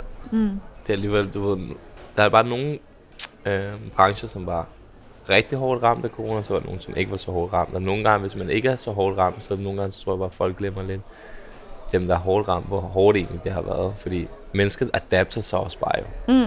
Så adapter vi os efter noget tid til, okay, det er hyggeligt nok bare at være hjemme og ikke se nogen. ja, faktisk. altså, sådan- og så, du og så lige pludselig adapter du dig til, jamen, så er det helt åbent igen, og så nu, nu, nu er det bare, bare det. ved. Det er rigtigt nok. Man tænker sådan, nu åbner alt op. Ej, man kommer bare til at værdsætte så meget at være ude at spise. Ja, Ja, ja. det gjorde måske den første gang. Men altså, Jeg var ude at spise, men nu er det jo normalt Det er igen. jo totalt fucked up faktisk, ja. Fordi at man, man burde jo sådan der, på en eller anden måde bare have det naturligt sig, men, men nogle gange skal man kraftigt med tvinge sig selv til at have den der øh, feeling, altså mm. den der med taknemmelighed. Ja. Og det er ikke okay, det viser bare, at vi lever i alt for øh, forkælet samfund, Ja. hvis man skal nogle gange minde sig selv om at være taknemmelig, mm. og ikke Mm. bare være det af ren natur. Det er, Øh, det er rigtigt. jeg ved i hvert fald en ting, du er meget taknemmelig for, det er at spille sammen med din kæreste. Det er jo ikke særlig mange, der vil prale øh, i sportsverdenen med det. Nej. Hvad er, hvad er det for nogle ting, der fungerer godt, og hvad er det for nogle ting, der måske er svære nogle gange? Fordi man siger jo for eksempel på nogle punkter, at mennesker, ikke sportsligt, men med sådan, dem man bliver mest sur på i, vir- mm. i Mm. det virkelige liv. Det er jo du ved, venner, familie, Ja. kærester og whatever. Og, sådan noget. og så er der folk, man ikke kender så godt, den kunne man aldrig finde på at sig af eller mm. Mm. gøre noget som Præcis. helst, du, ved, fordi der er så meget distance. Ja. H- Hvordan får du forklaret det forhold? Men det gode er jo, at som jeg siger, vi kender hinanden rigtig godt. Og, altså, at vi har et godt forhold, og så, så vi kan sige lige præcis det, vi synes til hinanden på banen. På banen. Og det er godt, fordi der, jeg tror, for mig er det er det vigtigt. nu det er hver gang? Nogle gange synes jeg, at hun er pisse træls og Ja. irriterende, men jeg lytter jo alligevel. ja. Og det er vigtigt, at der er dem, som, som føler, at de kan sige sådan, altså til mig for eksempel. Ja. Der er måske nogen, der ikke føler, at de vil sige det, de synes, på grund af min status eller et Ja, eller andet, men ja. det er så godt, at jeg har hende til at, at kunne tage den. Mm. Øhm, selvom jeg, jeg synes, hun er irriterende nogle gange. Mm. Og det samme den anden vej. Så det er faktisk meget positivt på det, på det punkt. det som det negative er vel, at hvis det går godt, eller hvis det går dårligt, så kan man godt nogle gange tage det med hjem jo. Altså, vi er i de samme omgivelser på arbejdet, så der kan man ikke bare lige komme hjem og så snakke om noget andet. Nej. Så det er jo det negative, vil jeg sige. Men ellers er der faktisk meget, mange gode ting. Altså, vi... Kan man godt blive irriteret så meget på hinanden, sådan, hvorfor spillede du ikke bolden der? Eller, Nej, eller, eller, på den måde ikke. Nej, nej. nej. nej. Ej, det er, det, Det er mere helheden. ja, det er med helheden. øh. Så for det meste bare positivt. Ja, også fordi at vi godt kan lide at være sammen. Ja, ja, ja. Altså sådan, der er jo nogle Nu må det forhold... egentlig være en vild følelse at bare kigge op og bare sådan lidt, okay, du har spillet fodbold sammen med. ja, sygt. Vi startede jo med at være sammen, spille fodbold sammen, da vi blev, Præcis. så det er jo det, vi har været vant til, det kan man sige. Mm. Og ja, der er jo nogle forhold, som, hvor man godt kan lide at ikke at være sammen hele tiden og gøre ting sammen hele tiden. Jeg tror, der er mange af dem. Men vi, vi kan egentlig meget godt lide at gøre ting Jeg har sammen. det bedst med ikke at spille fodbold med mine gode venner. Komme op og skændes hele tiden. Ja. Bedre at have distance til folk, fordi Ja. det pludselig bliver for tæt, ikke? Ja. Grineren. Mm. Øhm, landsholdet. Yes. Øh, EM 17. Øh, rimelig vild succes, ikke? Øh, når ikke hele vejen, men stor Nej. succes stadigvæk. Store resultater. Hvad har det betydet for dig personligt og for selve kvindefodbolden? Ja, det var vel lidt den slutrunde, som var gennembrud. Altså for mig personligt også. Det var et halvt år efter, jeg flyttede til Wolfsburg. Øhm, og jeg havde en god slutrunde. Jeg tror, jeg blev nummer to i Europa. Altså runner op til den der Europas player der. Mm. of the year. Det år der, så personligt var det lidt et gennembrud, hvor øh, mange så, hvilken spiller jeg er i Europa. Og jamen for landsholdet, så var det også en øjenåbner for mange i Danmark, tror jeg. Vi mærkede i hvert fald en stor forskel fra da vi tog afsted, til vi kom hjem. Jeg tror faktisk, Rådhuspladsen i København var helt fuld, da vi kom hjem. Det var virkelig stort, altså at få den der respekt og anerkendelse fra befolkningen for et, ja, jeg er vokset op med, at kvindefodbolden ikke er specielt respekteret eller ac- accepteret eller sådan Anerkendt. anerkendt. Øh, så det var virkelig fedt.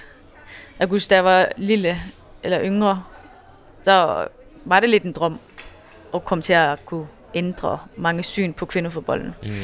Så det, at, at vi gjorde det der til at starte med, men så også efterfølgende har fortsat med det. Og at jeg også selv personligt gennem min, øh, min øh, performance, altså sådan, har også vist og været med til at udvikle kvindefodbolden. Så det, det er jo noget af det, som faktisk gør mig mest stolt nogle gange. Ja. Det er, øh, Det der er sket ude for fodbolden. ja, Med fodbolden. ja. Altså fået kvindefodbolden til at blive noget anerkendt og blive mere, blive større. Helt klart. Mm. Mm. Det er også en virkelig, virkelig stor ting. Men hvad, vil du så, hvad, hvad for nogle ord vil du sætte på så konflikten efter EM, der ligesom førte til at sådan en afgørende kamp i Sverige, der blev afløst, og måske også gjorde sådan, at I ikke kom med til, til Mm. VM? Hvad, Ja. hvad vil du sige til hele, alt det? Det var en, øh, det var virkelig en hård periode der, Mm. fordi at vi var sådan, vi ville virkelig øh, stå op for os selv og have noget, vise, at vi har meget selvrespekt, og vi følte, vi, vi fortjenede bare mere. Ikke kun i forhold til penge, men altså også bare med det setup, der var omkring os. Øh, I forhold til faciliteter, altså behandlere og mange behandlere med, alle de her ting her. Mm. Øh, så det var bare, at vi var bare nødt til at tage den kamp der. Mm. Og det Mm. var bare virkelig nederen, at det gik så langt.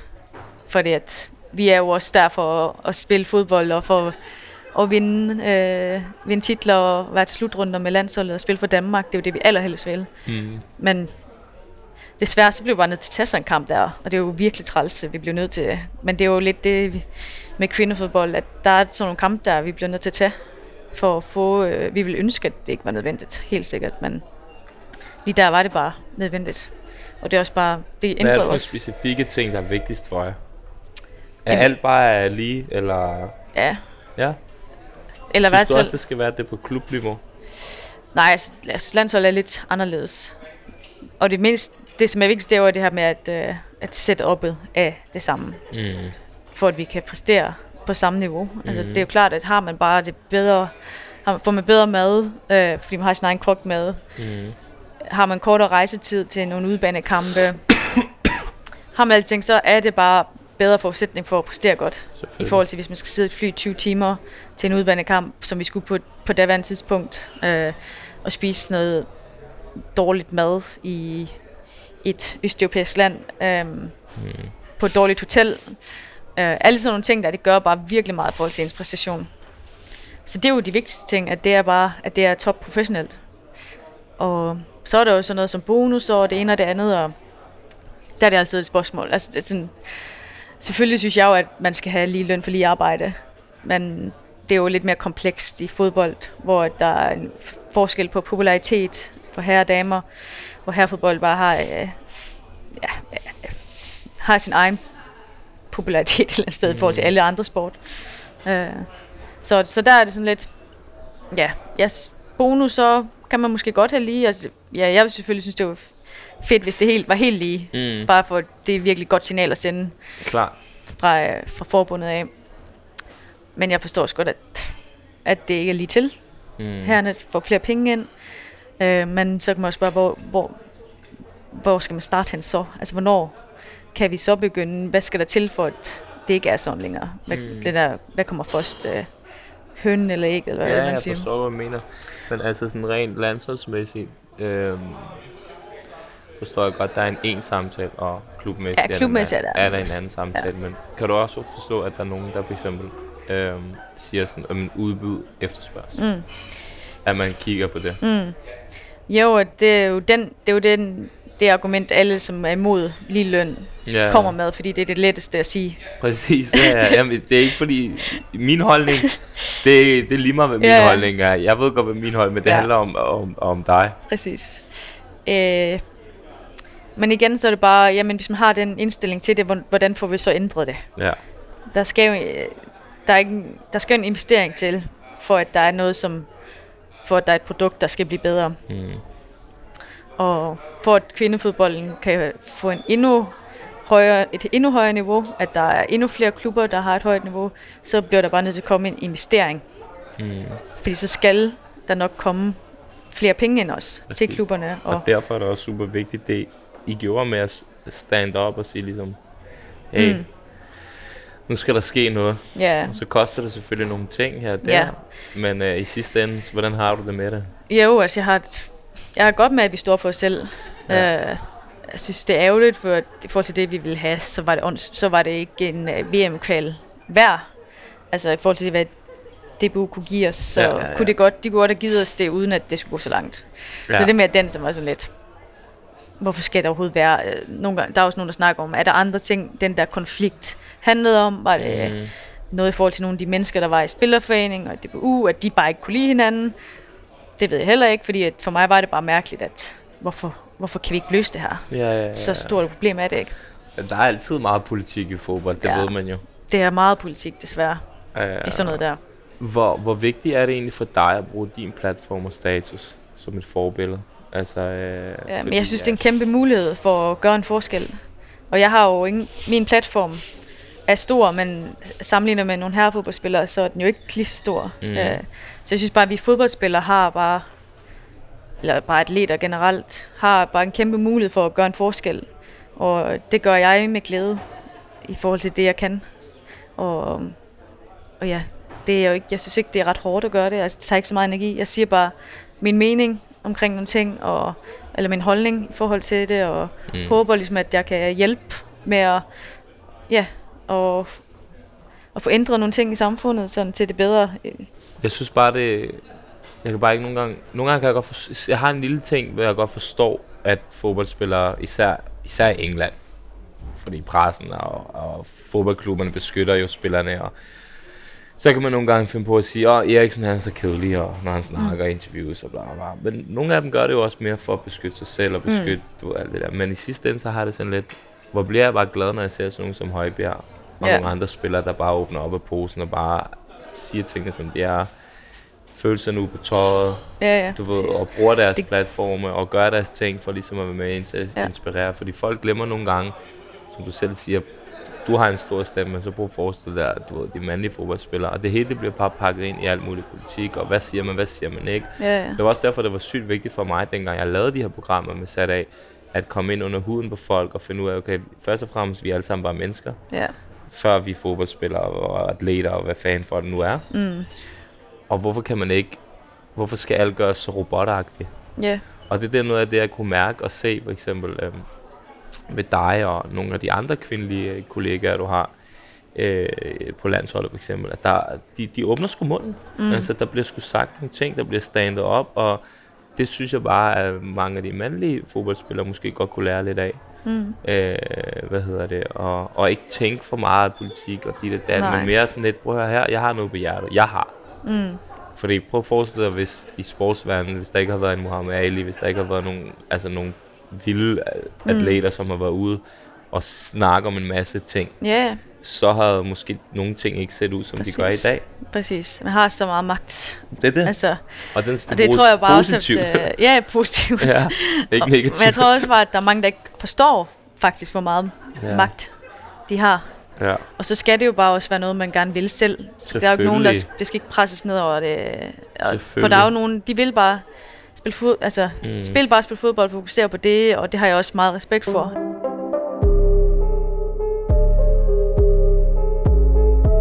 Noget af det, der gjorde sådan, at du virkelig kom på kortet, eller hvad man siger, det var den kamp med Sverige mod Canada. Mm. Hvor, at, øh, hvor din kæreste øh, spiller, og du har den svenske landsholdstrøje på. Det er rimelig sygt, når du er fra Danmark. Ja, Men der viser man bare, der var altså, jeg virkelig en god der kæreste. var du bare støtte fra. Ja. fra hjertet af, ikke? Øhm, der kysser I, og der bliver taget et billede. Ja. Jeg ved godt, du har snakket mange gange om det her og sådan noget. Mm. Men øh, det er jo medfører jo bare til hele verden lige pludselig Ja. bare eksploderer, og der er en masse unge mennesker, mm. mænd og kvinder, whatever, og de er bare sådan, oh, I ved ikke, hvad jeg har gjort for mm. mig, og den måde, jeg har det, og min seksualitet, og alle mulige andre ting, du ved, mangfoldighed og sådan noget. Ja. Øhm, hvad hedder det? Havde du regnet med det, og, og, og, og hvad tror du ellers, det har medført af ting? Sådan, det var, det var et ret vildt moment. Ja. Nej, okay, jeg havde ikke regnet med, at det skulle... Jeg vidste, vi vidste jo ikke, at der blev taget et billede, eller tænkte Ja. ikke over det. Så det, det gjorde det også meget natu- na, hvad siger man, naturligt mm. i det, selve billedet. Og ja, det blev bare, det eksploderede jo bare helt vildt. Fuldstændig. Men ja, det er jo, det var jo bare godt et eller andet sted. Der var ikke meget, mange, der var sådan, der gav os noget had, had på grund af billedet. Det var mere bare det her, som du sagde med også, at vi hjælper folk. Vi blev lige pludselig virkelig nogle kæmpe forbilleder for rigtig mange. Mm. Øhm, specielt med det her med homoseksualitet også. Altså, og det var mange fra, der var selvfølgelig sådan fra Skandinavien, men det var også virkelig fra mange lande, hvor det bare ikke er accepteret. At der er det virkelig fedt for, for nogen i de lande at se et åbent Mm. par. Mm. Øhm, ja, på den måde der. Men det viser det jo netop lidt- det, vi lige har talt om, styrken ved, Ja, at ja. når man er en atlet eller et eller andet, Men det er også det med, at jeg er, meget, øh, jeg er måske meget privilegeret i det, fordi jeg er fra Skandinavien, og det er okay at være øh, sammen med samme køn. Øh, det kan godt være, at der er nogen, der stadigvæk synes, det er sådan lidt specielt, men det er sådan størstedels virkelig accepteret sam- sammenlignet med mange andre steder. Så på den måde er jeg meget privilegeret, og ved at jeg så snakker om det og er åben omkring det, så hjælper jeg nogen, hvor det, de ikke er privilegeret med det, hvor de ikke kan få lov til at være dem selv og, og være øh, homoseksuel eller være, ja, på den måde der er. mm. Og det giver bare håb for dem, og det kan muligvis, i og med at jeg går ud øh, åben med det og snakker omkring det, så kan det jo være, at det kommer til at ændre noget for dem. Mm. Sådan synes jeg altid, det er, når der er nogle sådan problemer i samfundet, altså snakker ligestilling. Hvis der skal have den største effekt, så er det jo, at mænd går ud og kæmper for ligestilling, mm. fordi de er privilegerede. Mm. Når vi snakker om racisme, så er det jo også hvide, som skal gå ud og virkelig støtte og hjælpe, fordi at, ja, så, så tror jeg, at der kommer den største effekt på det. Det er meget dybt sagt. Ja. Noget af det fedeste ved at, at have mødt dig der og snakke i dag, det er den impact, du har haft på mange af de her ting, fordi Mm. at den impact har været større end noget, jeg har set i mandlig Ja. Altså forstår du, hvad jeg mener? Mm. Øh, og det, det synes jeg bare, at der skal blive talt mere om på en eller anden Ja, ja, det synes jeg også. Skal man. måde. Stand up. Ja, Hvad hedder det? Det her langdistanceforhold, som du har haft, ikke? ja. Er der overhovedet nogle positive ting ved det? Mm. Mange. Fik, lidt, oh, fik lidt alene tid. Og okay. Nej, mig, lad mig høre. Nej, der var der, det positive er, vil sige, selve tiden, hvor vi var fra hinanden, var måske sådan, det var ikke sådan mega positivt eller fedt. Øh, det var øh, klart. Men en, øh, altså det positive er lidt, at, at vi også lidt det der med, at vi gik hver vores vej for ligesom at nå målet, og det er også derfor, vi er, er sammen, fordi Magda, hun er lidt som mig i forhold til det. Mm. Hun vil gå hende, hun har også et mål, som hun vil gå alt for, og hende, for at hun skulle komme derhen, så var det bare en anden vej end min på det tidspunkt. Mm. Uh, så det vi begge to gjorde det, det synes jeg bare hjalp meget for vores forhold også. Hvis Mm. en af os havde opgivet vores strøm, Eller trukket den anden eller med tror den anden med, eller- eller- det har bare ikke været godt. Altså, Ja. Og så at vi kunne gå igennem det tre et halvt år fra hinanden, mm. og nu er sammen og har et virkelig godt, det er jo også virkelig et symbol på, at vi er stærke sammen. Øh, og så har vi fået lidt, vi har bare en periode i vores liv, hvor det ikke er bare os to sammen. Altså det med, at jeg har fået en rigtig god vennekreds fra Wolfsburg af, som ligesom er mit, og hun har noget, som er hendes. Mm. Mm. Det er jo også vigtigt at have det. Føler du så, at kvalitetstiden, da I var sammen, da I havde langdistanceforhold, var bedre, end når man er sammen hele tiden? Øh, nogle gange måske sådan, men det var så kort tid, at vi kunne ses nogle gange, så Mm. mm. det blev nærmest lidt stressende. Øhm, så jeg, jeg, jeg foretrækker helt klart sådan, som det er nu. Klart. Øh, men i det lange perspektiv, så tror jeg bare, at det var virkelig godt for os mm. at være væk fra hinanden. Ja, nogle gange går man jo også igennem alle mulige ting, fordi at for det better på en eller anden måde. Mm. Mm. Man går igennem en kamp for at stå stærkere på den anden side. Præcis. Vi snakkede lidt om det før med det her med, med seksualitet og sådan noget i, i sport og whatever. Hvorfor tror du, der er så, så, så få homoseksuelle mænd, lad os bare tage fodbold, for det er det, vi mm. snakker om, som jeg er næsten sikker på, at der er rigtig mange. Ja. Øh, men det er bare ikke udbredt. Nej. Og, og tror du også, udover det, det er et dobbelt spørgsmål, tror du også, at folk har taget imod det på samme måde, hvis det var to mænd, der kyssede den dag? Ej, jeg tror ikke, det vil være lige så meget positivt i forhold Men til... hvorfor? Jeg tror bare sådan, kulturen omkring herrefodbold, fankulturen omkring herrefodbold, er meget anderledes, end hvad den er omkring kvindefodbold. Der er mange sådan nogle macho mennesker, der er fodboldfans på her siden. Øhm, ja, og som har lidt det her menneskesyn, sådan lidt old school menneskesyn, synes jeg. Der er bare den del af fankulturen i herrefodbold, der har den, og jeg ved ikke, hvordan de vil reagere på, at nogle af deres spillere skulle blive øh, gå ud og være homoseksuelle. Altså, så skulle de lige pludselig blive set som øh, svage, de skulle blive set som nogle, det ved jeg ikke, ikke så stærke, du ved, øh, ja, alle de her fordomme, som der overhovedet kan være, vil de blive set på fra den her fangruppe her. Så jeg tror, der vil være meget mere sådan noget, i forhold til, hvad vi også, der er det virkelig bare fantastiske fans. Ja. Meget familie og virkelig bare, altså slet ikke sådan en øh, mentalitet, der old school mentalitet. Mm. Og det er det jo bare i herrefodbold. Der er også rigtig mange gode fans i herrefodbold, men der er virkelig også mange sådan nogle lidt mere hooligansagtige.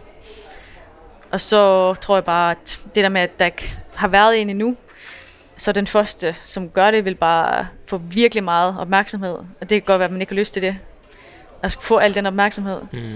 for det. Og så er de nok bange for også at blive stemplet som den homoseksuelle fodboldspiller, i stedet for bare at være fodboldspilleren, Mm. mm. som bare er til, sammen med en fyr. Så det, jeg tror, det er alt det, som gør, at der ikke er kommet det endnu ud endnu. Tror jeg.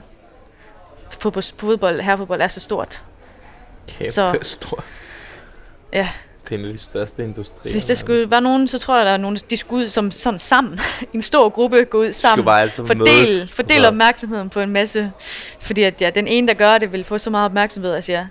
De vil også få virkelig meget støtte fra mange. Men der Ja, vil også bare være den, den øh, negative del. Og det er, jo, det er jo det, man ikke lige ved, at man er klar til det. Og der er ikke nogen, der gider at være den homoseksuelle fodboldspiller. Altså, man vil jo bare være sig selv.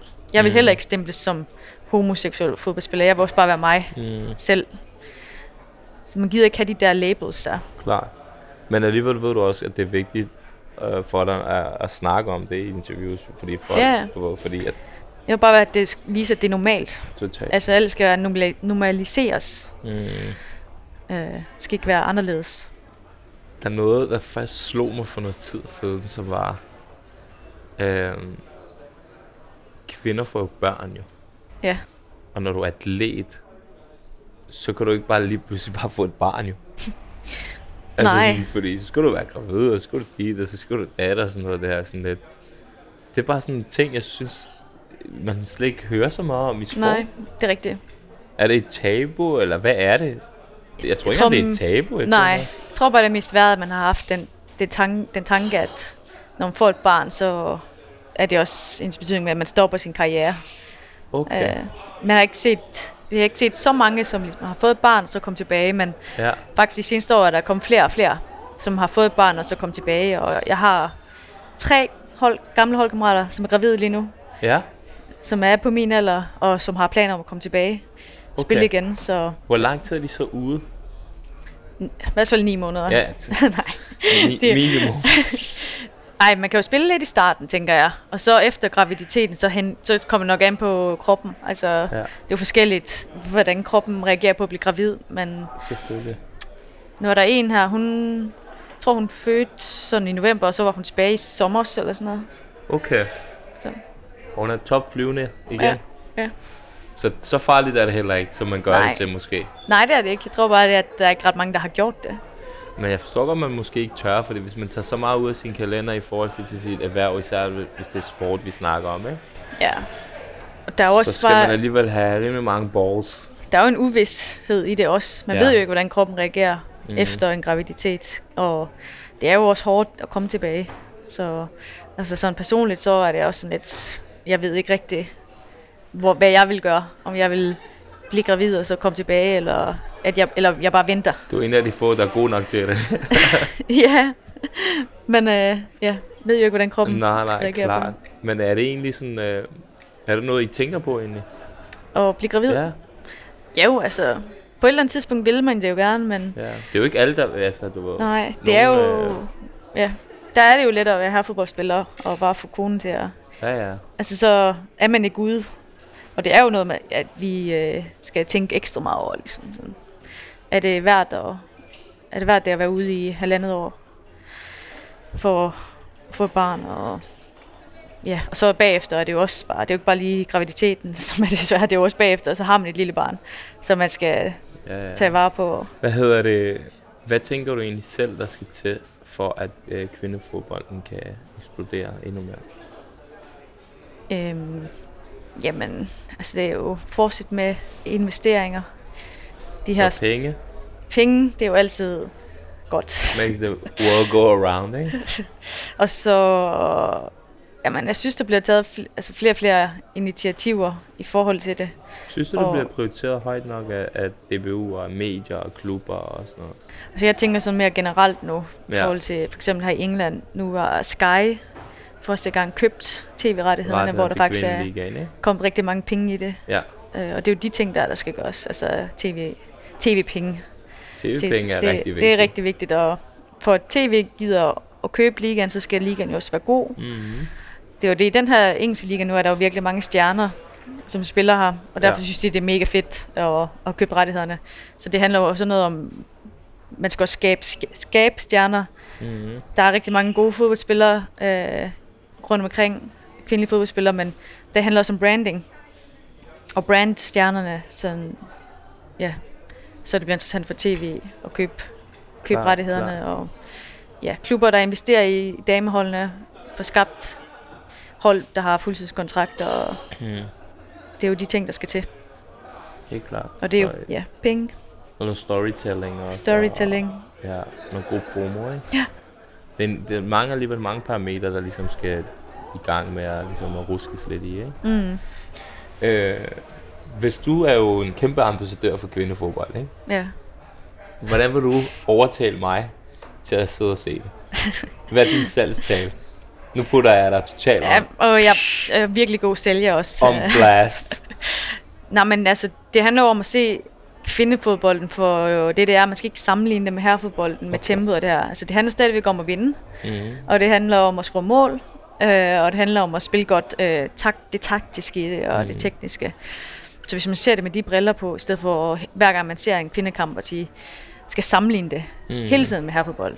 Ah, men den pasning er ikke lige så hård som i en herrefodbold, eller Jamen, øh, det der hjørnespark, det var heller ikke lige så godt som eller frispark, eller... Mm. Altså, man, hvis man ser på kvindefodbold uden at skulle sammenligne det med herrefodbold, så er jeg sikker på, at man synes, det er mega fedt. Jamen, jeg sidder og prøver at tænke lidt over, imens du siger det, hvad det er, der har gjort sådan, at jeg nogle gange har siddet der og hellere vil se det der. Og det har du også snakket lidt om tidligere, det er måske nogle af de tekniske detaljer, ikke? Mm. Øh, de små, helt ned de små detaljer, tekniske, taktiske, Ja. Og så handler det også om, at støtter man et hold, ja. Altså, så er det også bare federe at se en kamp, altså når man har et hold, man hæpper på, Ja, eller man har nogle... Vi er enige om, at Atletico Madrids kvindehold er, jeg er Atletico Madrid-fan. Ja, De er rimelig hæftige, er det ikke det? ja det er okay. Er det ikke? Jo. Synes jeg, jeg har- set lidt Ja. af. Men det, er, ja, det handler om, og det er også derfor, det handler om at få, profili, altså få lavet nogle profiler, mm. få lavet nogle stjerner, som man sådan ja, hæpper på. Så Ja, ja, ja. kommer man også bare til at være mere engageret i kampen. Præcis, men for at kunne skabe de stjerner, så skal man også tilbage til det, vi talte om tidligere, det her med, at der skal være nogle personligheder. Mm. At det ikke bare er robotter, der spiller fodbold, men Ja. at der er faktisk nogle med nogle meninger, nogle holdninger, nogle måder at opføre sig på på en bane, nogle frisyrer, nogle stile, mm. noget, du ved, a- Ja. altså hele vejen rundt. Ja. Øh, ja, de ting vil helt sikkert også hjælpe, men altså, hvis man bare ser på spillet, så tror jeg bare, det handler bare om, at man ikke skal sammenligne dem her fodbold. mm. Øhm, for det, det synes jeg bare, der er mange, der sådan... Altså hvis man skal gå... Hvis der er nogen, man skal få til at se kvindefodbold, så har de sikkert set herrefodbold, og så går de, altid, så går de ofte ind med den indstilling og skal Mm. mm. sammenligne det, i stedet for bare at, at se på selve spillet. Klart. Så du inviterer mig snart over til at se en kamp. Ja, ja, det- selvfølgelig. Så får du den Kan du komme på Kings? Det- Og det er også sådan en her ting, hvor man siger sådan, at det der vi snakker om tidligere med, at okay, så hvad så, er jeg bare en idiot, fordi jeg ikke ser kvindefodbold? Altså, Nej. kan vi så godt være venner? Nej, men forstår du, hvad jeg mener? Ja. Men jeg er bare ærlig omkring det. Men jeg, jeg, jeg, det kan godt være, at jeg begynder at se det på et tidspunkt, men det gør jeg ikke rigtigt. Mm. Nej. Så har jeg set nogle gange, hvis der var slutrunder, så har det været ret interessant. Ja. Så er det sådan, okay, lad os lige se, Men det er jo fordi, så hvad- spiller vi for Danmark, og du Ja, hæpper så for, på Danmark, og præcis. du ved godt, at det går godt for Danmark. Så Ja, det er den der præcis. delen i det. Så synes Men man, det, det er fedt også en god det. start at pushe det på den måde, og gøre det igennem det. Og så, øh, jeg er her i dag, fordi at jeg gerne vil høre din rejse, og, Mm. og så være også, er her i dag også for at pushe kvindefodbold.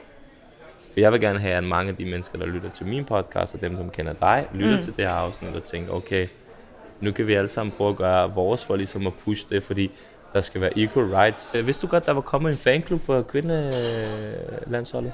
En fanklub? Ja, Nej. Det er, kun, mænd, det er kun mændene, der har Nu er der kommet en, øh, Nå. og der er vist allerede, den er næsten lige blevet lavet, nu er der kommet 300 medlemmer allerede. Nå, hvorhen er det?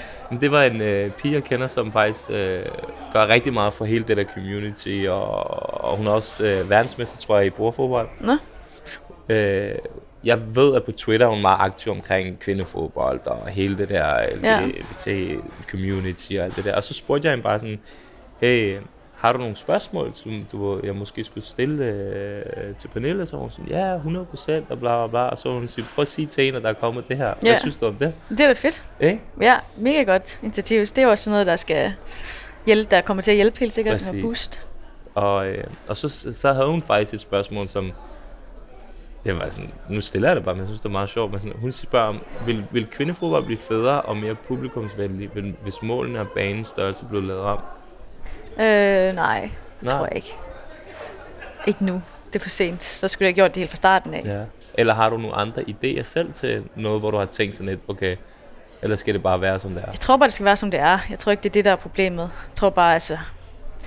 Kvindefodbold er jo heller ikke lige så gammel som herrefodbold, hvis man skal lave den sammenligning. ja, altså, så, forhold til, ja, så det skal også have så det kommer til jo. Altså, det skal have tid, og ja.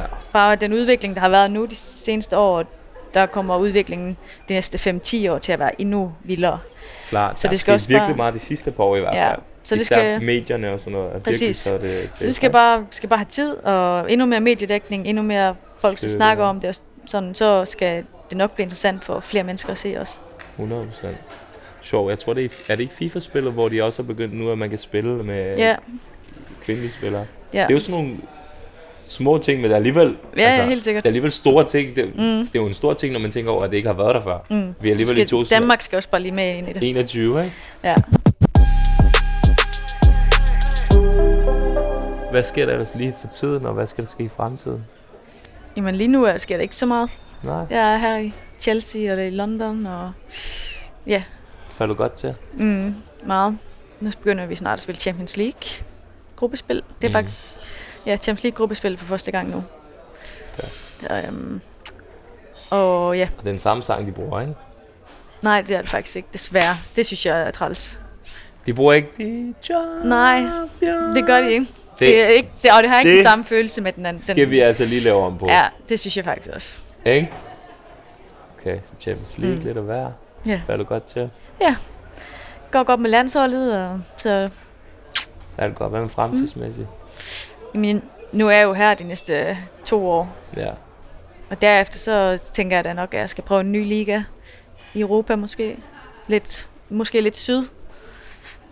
Ned i Lige varmen. beholde tanden, ikke? ja, ned i varmen. Ja, du er og- sikkert sådan, der kan blive syg brun. Ja, Ja, det kan jeg godt se på de pigment. Det er den er god, heldigvis. stadigvæk. Eller Hvor jeg er har du held... den sol hen? England. I England? Regner det helt? Ej, jeg fik, lidt, øh, jeg fik en god bund i Spanien. Jeg var på ferie i sommer. På Mallorca. Mallorca? Okay, okay. Mm. Holder du så fuld ferie, eller holder du stadig i gang? Sådan noget ferie? Øh, ja, men jeg har altid en uge, hvor jeg er helt fri. Altså slet ikke lave noget? Ja, Okay. hvor jeg slapper af, når jeg er ferie. Ja, Og så derefter så begynder jeg med træning. Ja. Mm. Nice no. Men øh, der er ikke så meget andet at sige, end det har været en fornøjelse. Ja, Jeg er virkelig blevet klogere på en masse ting. Du sagde du, det synes jeg også. jeg synes, det var en fornøjelse. Det var hyggeligt.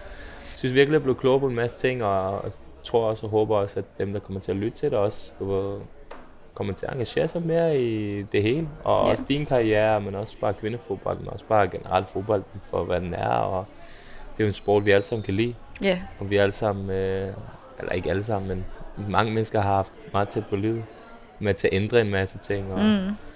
Så øh, jeg vil Ja. bare sige tak for tiden, og jeg føler bare privi- privilegeret og glad for, at vi fik lov til at lave det. Jamen altså, det har været en fornøjelse. Også for mig, Ja. virkelig. Det har været hyggeligt at, at snakke. Og, 100%. Det kan være, at vi ses lige pludselig. ja, Og det kan jo husk- være, at jeg husk- inviterer dig til kamp. Det må du meget gerne. Det vil komme til næste Det kvindekamp. kan jo være, at jeg øh, lige pludselig bliver totalt bit af det, sådan så jeg begynder at, at være totally ambassador. Nu kender jeg jo en, der er kæmpe stor øh, grund til, at der er rigtig mange syge ting, der sker på kvinde. Øh, Kender du Katja Moskov? Ja, ja. Ja. Det gør jeg. Okay, så øh, jeg skulle hilse fra hende. Nå, nu helt Hende igen. snakker jeg ret meget med. Okay. Og hun har været rigtig god til ligesom at fortælle. Men hun har også blevet, blevet, blevet, blevet fået en rigtig stor stilling inden for, for jeg tror, kvindeforening for fodbold. Mm. Et eller andet i den stil. Mm. Hun har i hvert fald gjort virkelig meget for hele den der verden. Og sådan Ja. noget. Så, øh, så det kan jo være, at jeg lige pludselig øh, bliver en mand, som øh, skal ud, som du siger. Ja, ja.